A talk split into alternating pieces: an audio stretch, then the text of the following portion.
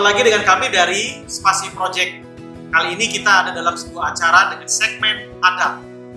Tentunya kalau udah dilihat, saya nggak sendirian. Ada tiga orang di sini. Satu orang narasumber kita, namanya Bro Julius Nas kita mungkin. Yes. Gimana Bro? Apa kabar? luar biasa sehat. Mantap. Dan tentunya ada teman saya, Niko Adrian Budiono. Sehat juga. Sangat sehat, lihat dong postur badannya.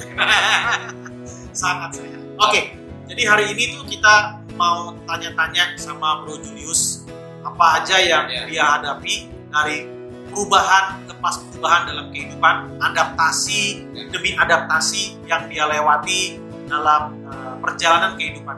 Bro, gue mau tanya, jurusan kuliah lu sama pekerjaan pertama lu itu nyambung nggak? Kalau dilihat dari secara Artinya waktu gua kuliah itu gua ambil jurusan teologi. Wah, Ah, jadi menjurus saya ke hal-hal yang rohani. Harusnya jadi pendeta dong. Ya. Seharusnya seperti itu.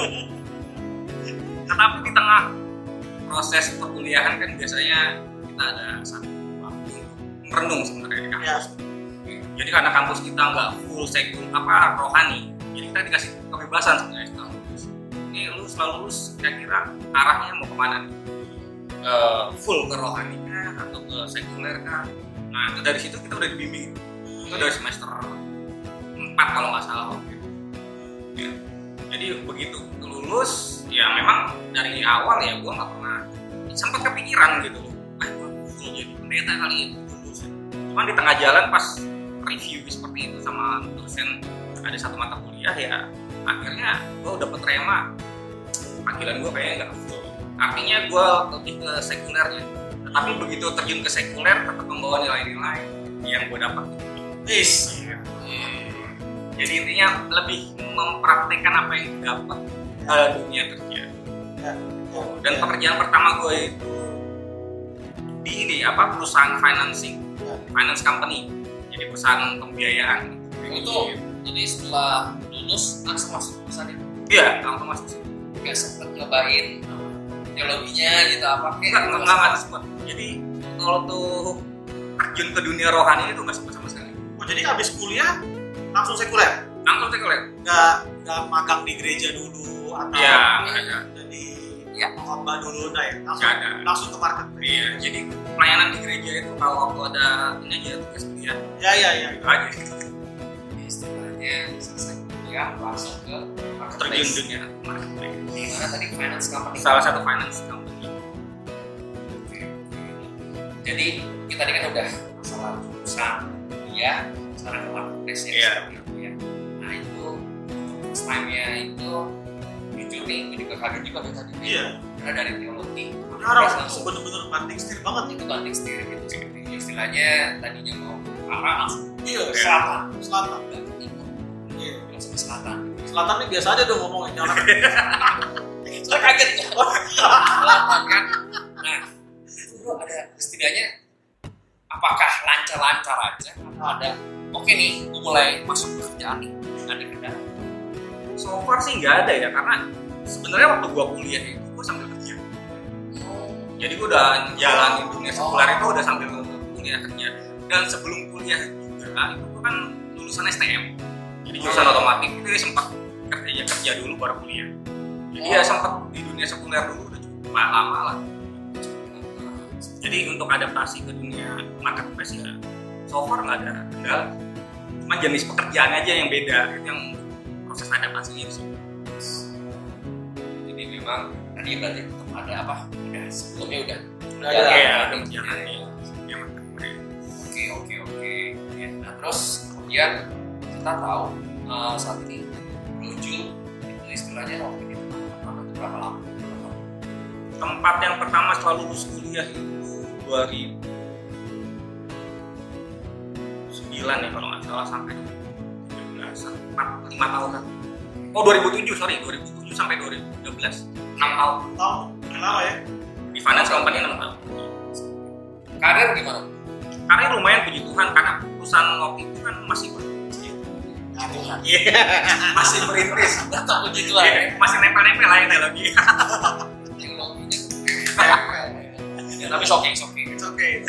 karena perusahaannya baru ini salah satu perusahaan besar sih perusahaan ya. nah karena masih baru ya jadi kita naik jabatannya agak lumayan jadi dari mulai basic sampai eh, level koordinator itu cuma dua tahunan kurang jadi begitu masuk ke dua tahun setengah itu udah dipercayakan untuk memimpin sebuah cabang Wow. Iya. Pak. Ya. Terus katanya Bro, Nah. Bro Jul ini pindah ya? Iya kan dia sekarang tunggu tuh. Tadi kan dia dari kuliah, eh dari dari kuliah terus ke marketplace jurusan finance. Iya. Ya kan? Nah, pertanyaannya kan sekarang justru dia agen atau sales asuransi. Ini Berarti kan berarti kan pindah lagi dong. Pindah lagi. Pindah lagi. pindah lagi. Kalau dilihat kan fasenya belum ada. Ada Yes. Ingat, ada Ada. kata kuncinya adaptasi adaptasi. iya, kebetulan kuliah sama dia beda. Nah, Sekarang beda nih, beda lagi. Beda lagi kan? beda beda. Jadi sebelum si Bro Julius jelasin lebih detail, awas bro. Wih. Udah, bro. Lupa ada ini. Oh. Waduh. Nah, tenggorokan itu benar ya. Santai aja bro. Ini apa nih bro? Di kopi. Ini di kopi Nah, coffee shop. ya Alam Supra ya. Ini lagi kekinian. Kekinian. Apa? Dulu kan orang senengnya kopinya apa botolnya kecil-kecil gitu Iya. kan ya. Mungkin karena ada pandemi covid Iya. ini di rumah orang jarang keluar. Gimana caranya sekali beli sebotol. Iya. oh, akhirnya mau buat 500 mili ya belum ada giveaway dulu ya maklum butuh modal ya oke jadi ini kopi ya dalam sutra ini kopi susu aren nah ini kalau kopi susu aren gue sebut es kopi kok kok Iya. ya jadi kalau ke sini boleh nyobain gitu. oke minum dulu Oh, iya dong. Siap. Buka, buka, buka, buka. kocok dulu banyak kan tuang. iya bro Kamu dulu dong. Oh, di ini ini ini.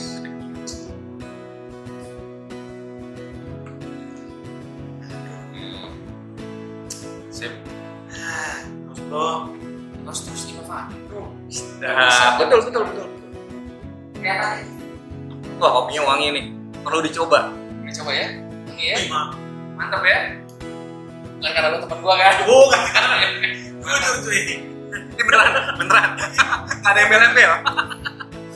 Ini bukan kaleng-kaleng. Bukan kaleng-kaleng. Iyalah. Hmm. Oke. Lah. Oke, lanjut lanjut.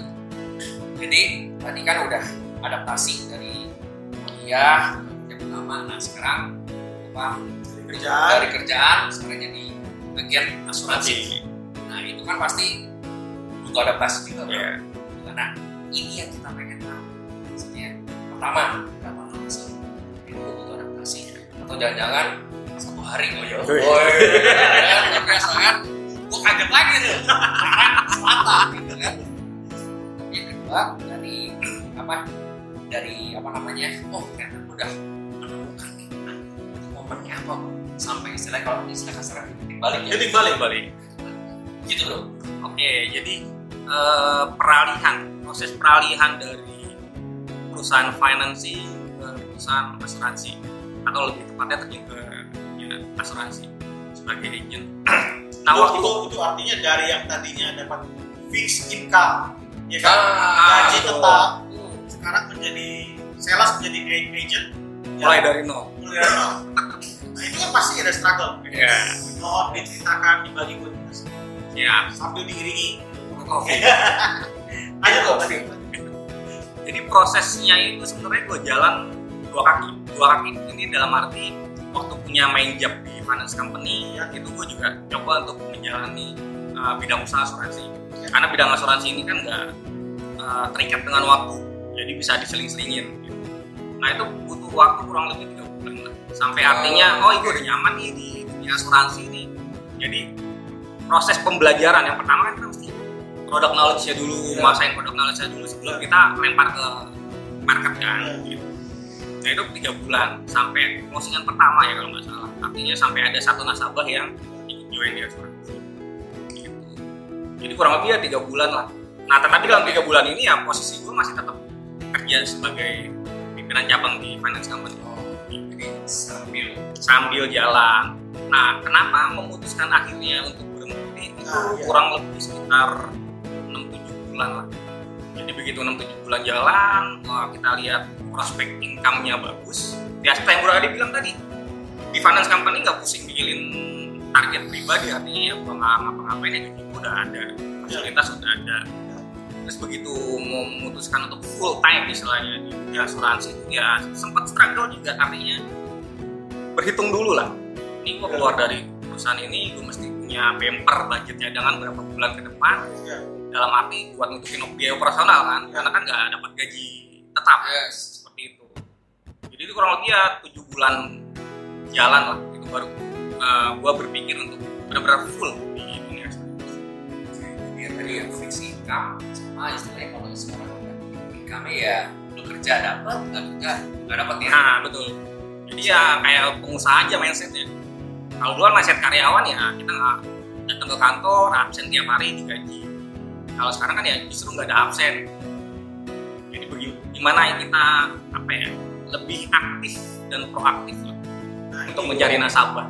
ada yang ada yang mau tanyain sih kan lu tadi bilang sempat agak gini kan memang awalnya kan eh, apa eh, karena asuransinya slow gitu kan ya. Ya, terus kan jadi bisa bisa jalan dua nih. Ya betul. Nah kan slow.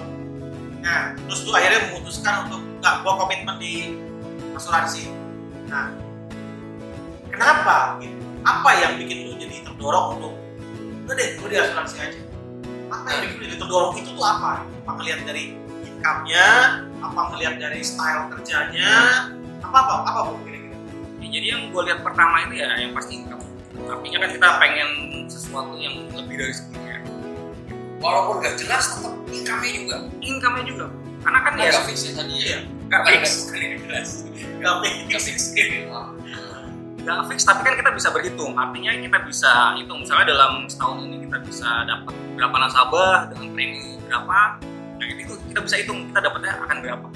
Gitu. nah lalu kan kalau di asuransi ya memang kita kerja sekali digaji dua tahun. Itu yang agak lumayan ya. Gitu.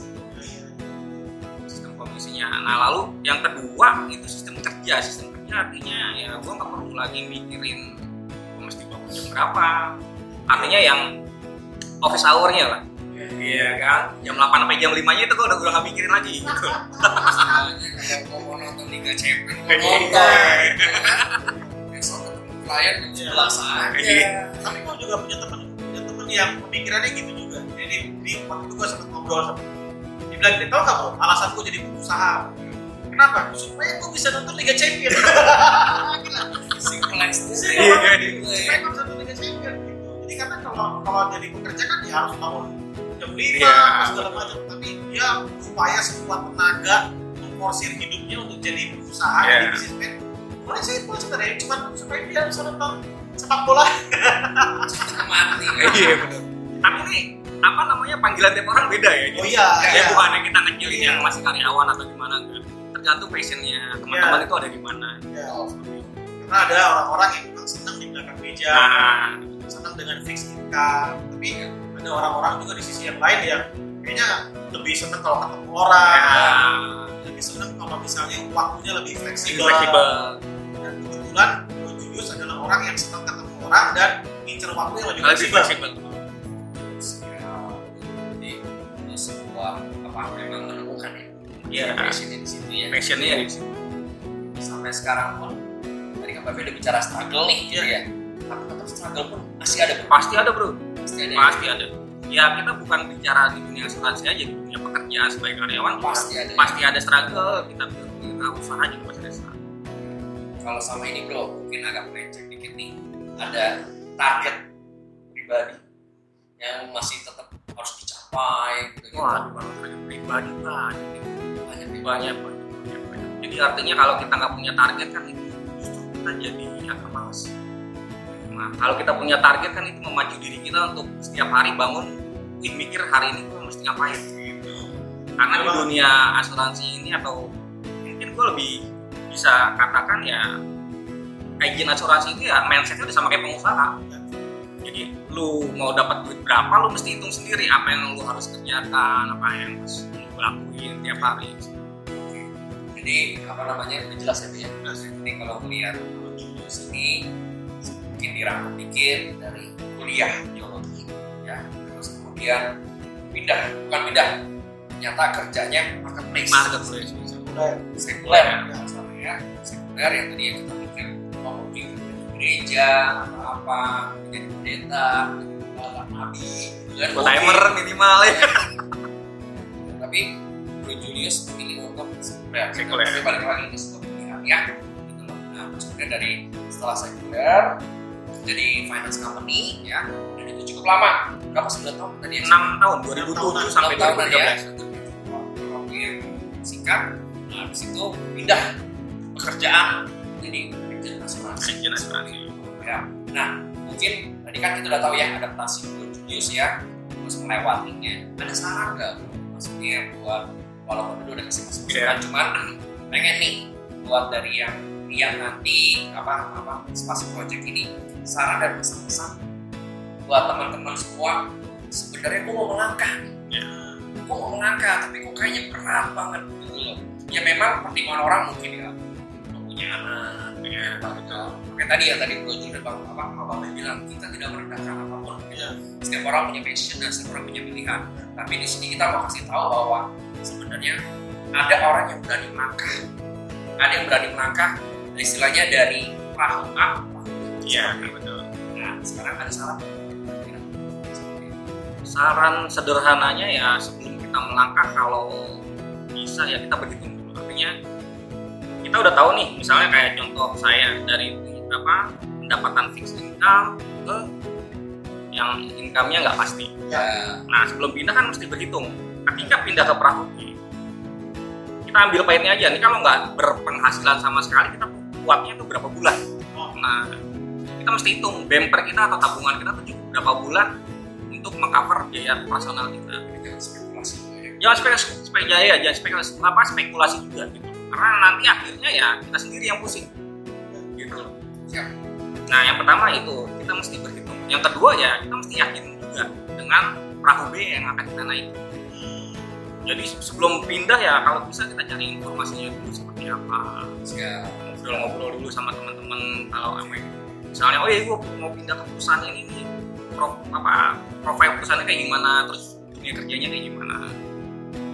Jadi yang pertama berhitung eh, secara keuangan lalu kita mesti yakin dan cari informasi tentang perusahaan yang akan kita pindah. Itu aja sih sebenarnya. Oke, clear, jelas ya. Jadi jangan melangkah karena nekat. nah ketemunya di situ. Nekat ya, karena memang kebanyakan juga ya ya. Oke, jelas. Jelas ya? Jelas. Jadi intinya itu aja yang kita bisa bagiin ya, kita bisa obrolin hari ini. Mudah-mudahan juga jadi masukan juga ya. Mudah-mudahan jadi masukan buat semua teman-teman yang menyaksikan program ini Ya.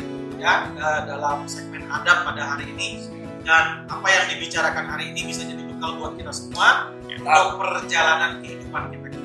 Itu aja dari kami Spasi Project dalam program adab. Terima kasih. Sampai ketemu lagi.